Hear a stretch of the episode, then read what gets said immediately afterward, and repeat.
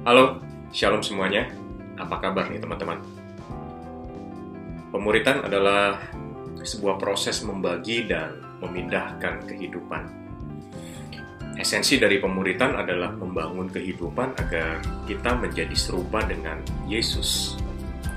Menurut saya, kelompok atau komunitas yang tidak mengejar keserupaan kepada Yesus bukanlah kelompok atau komunitas pemuritan.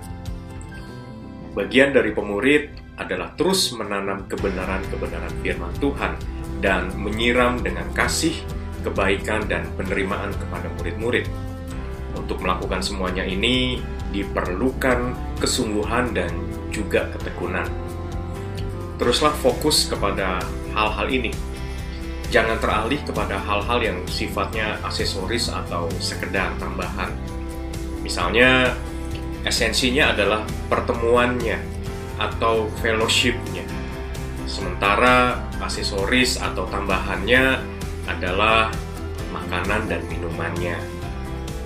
Artinya begini teman-teman, sekalipun saat itu tidak tersedia makanan atau minuman, pertemuan pemuritan tetap bisa dilakukan.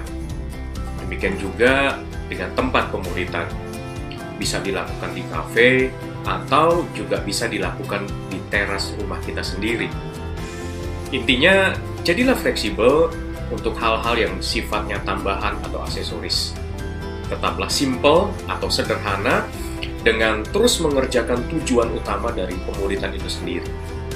Dengan cara seperti ini, kita bisa fokus mengerjakan pemuritan dan tidak terbebani dengan hal-hal yang sifatnya boleh ada, boleh juga tidak. Tuhan berkati.